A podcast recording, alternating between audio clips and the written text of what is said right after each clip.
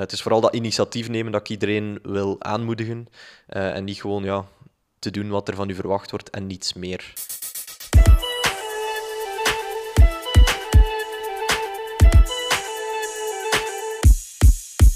Hallo, ik ben Silje Pauwels, eerstejaarsstudent communicatiemanagement bij Gewest. In deze podcast zit ik samen met mijn gast Robert Meulemeester, een oud-student communicatiemanagement. We hopen je met deze podcast een beter beeld te kunnen geven over de opleiding en de eventuele mogelijkheden die er nog zijn na het afstuderen.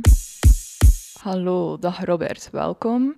Misschien kan je jezelf even voorstellen aan de luisteraars. Dus wie ben jij en wat doe je zoal in het dagelijkse leven? Dank u wel. Eh, mijn naam is Robert Mullemeester. Ik ben uh, crisisadviseur bij de Gentse firma PM Risk Crisis Change. Uh, ik woon zelf in de buurt van Brugge. Onze firma is in Gent.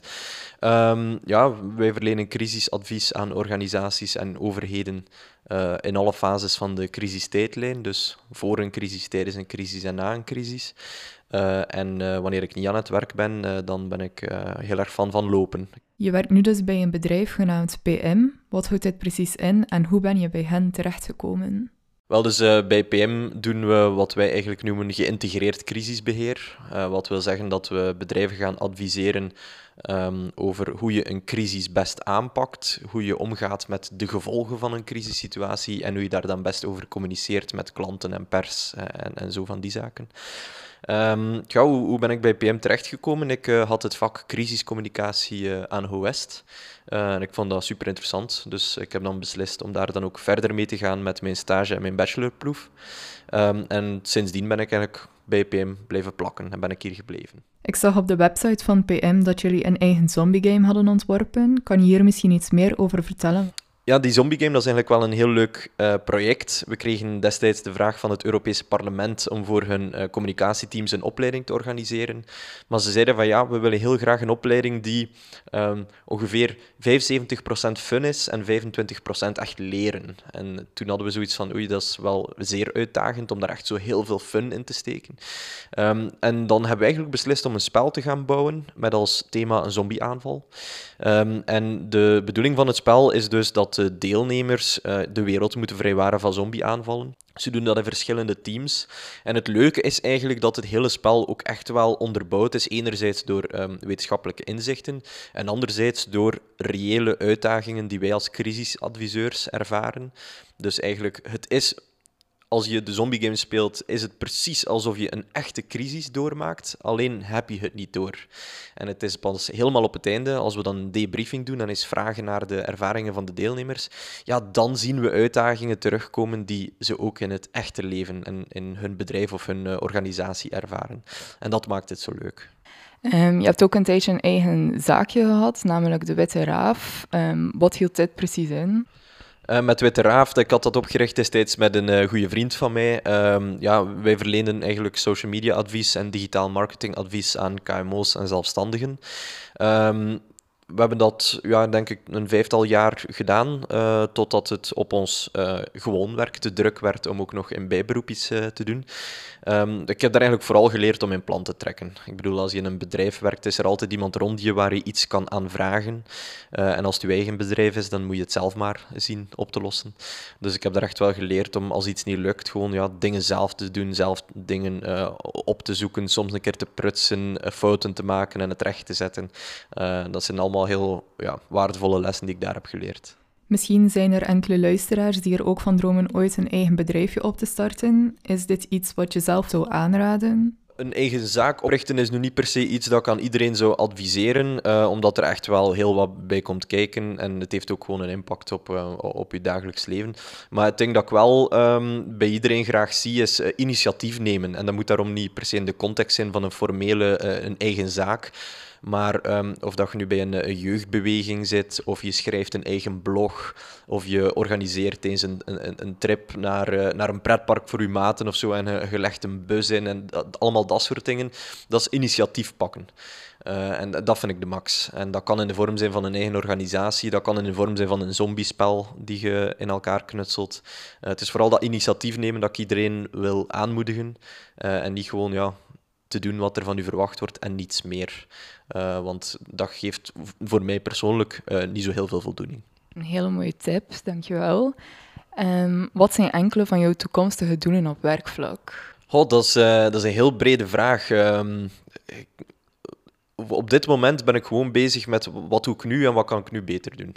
Uh, en, als ik zie, een van de dingen waar ik uh, al beter ben in geworden, maar ik zeker nog uh, heel veel vooruitgang in kan boeken, is de snelheid waarmee ik tot advies en tot conclusies kan komen. Bij PM, ja, als we een, een, een crisistelefoon krijgen, dan zijn het vaak heel complexe situaties die we eigenlijk moeten verwerken in, in één telefoongesprek. Uh, vaak ook in een sector waar we geen ervaring mee hebben. Um, en um, dat, dan is het onze sterkte als crisisadviseur dat we heel snel uit onze ervaringen uit het verleden kunnen gaan putten om direct ja, mogelijke oplossingen te zoeken, opties voor te stellen, conclusies te trekken, te adviseren. Um, en uh, ik, ik, heb gemerkt de afgelopen jaren dat dat steeds sneller en sneller gaat. Uh, hoe meer ervaring je opdoet, natuurlijk, hoe makkelijker dat allemaal gaat. Uh, maar ik denk dat daar zeker nog marge voor verbetering is in de toekomst. En qua doel, um, ja, internationaal is voor mij altijd een doel geweest. Ik ben een grote fan van de Verenigde Staten. Dus ik zou, um, ik zou het max vinden om ooit daar eens te kunnen een, uh, ja, eens rondtrekken, om daar opleidingen te geven, trainingen te geven, een gro groot project te doen daar. Uh, misschien met de zombie game, wie weet. Uh, dus dat, die internationale schaal, dat is wel iets wat ik voor de toekomst nog ambieer. Een vraag die daar misschien een beetje op aansluit. Wat was je grootste uitdaging tot nu toe? De grootste uitdaging, het zijn er eigenlijk twee dat ik zou willen benadrukken. Eentje is, um, ja, is leeftijd. Uh, ik ben nu zelf 28 jaar. Toen ik bij PM begon was ik 23. Um, ehm, en als 23-jarig adviseur is het niet altijd uh, even gemakkelijk omdat je in, ja, je komt terecht in directieteams um, die heel wat ervaring hebben en dan zit je daar zelf als eigenlijk een jonge knaap. En dat is, je moet daar je positie verdienen uh, door je goed advies. En, soms merk ik dat de leeftijd dan wel een beetje tegen je speelt, omdat mensen er mm, soms al van uitgaan dat je geen ervaring hebt, omdat je jong bent. Nu, ik ben nu 28, dat is uiteraard nog altijd heel jong, maar ik heb wel nu al uh, heel wat meegemaakt bij PM, waar dat ik op kan terugvallen. Dus die uitdaging op, op het moment ervaar ik minder en minder. Uh, een andere uitdaging die ik soms zie terugkomen is flexibiliteit. Dus we zijn crisisadviseurs, dat wil zeggen dat onze job niet echt een 9 to 5 is. Um, wat ja, jammer genoeg wil zeggen dat ik heel vaak afspraken maak met vrienden en zo die ik dan niet kan nakomen omdat er dan iets gebeurt en dan is de planning overhoop en, dan werk ik bijvoorbeeld dus op een zaterdag door en dan ben ik de maandag thuis en je, weet het allemaal niet op voorhand. Um, en ja, soms brengt dat wel wat uitdagingen met zich mee. Zelf was je ook een student aan de opleiding communicatiemanagement. Heeft dit een uh, grote invloed gehad op het maken van je verdere carrièrekeuzes? Oh, ja nee. Eh, eigenlijk zou ik moeten zeggen ja, want het is door de opleiding crisiscommunicatie eh, als deel van de opleiding uh, communicatiemanagement dat ik ervoor heb gekozen om in deze sector te gaan werken. Um, maar het is nu niet dat, ja, dat ik door uh, GoWest precies wist dat ik, dat ik dit wou gaan doen. Nu, wat wel enorm geholpen heeft, is dat ik heb gemerkt bij mezelf dat ik, voordat ik startte bij GoWest, een zeer introvert persoon was. Um, en ja, West heeft mij een beetje gedwongen eigenlijk om heel veel groepswerk te doen en presentaties te geven en voor de aula te staan en zo.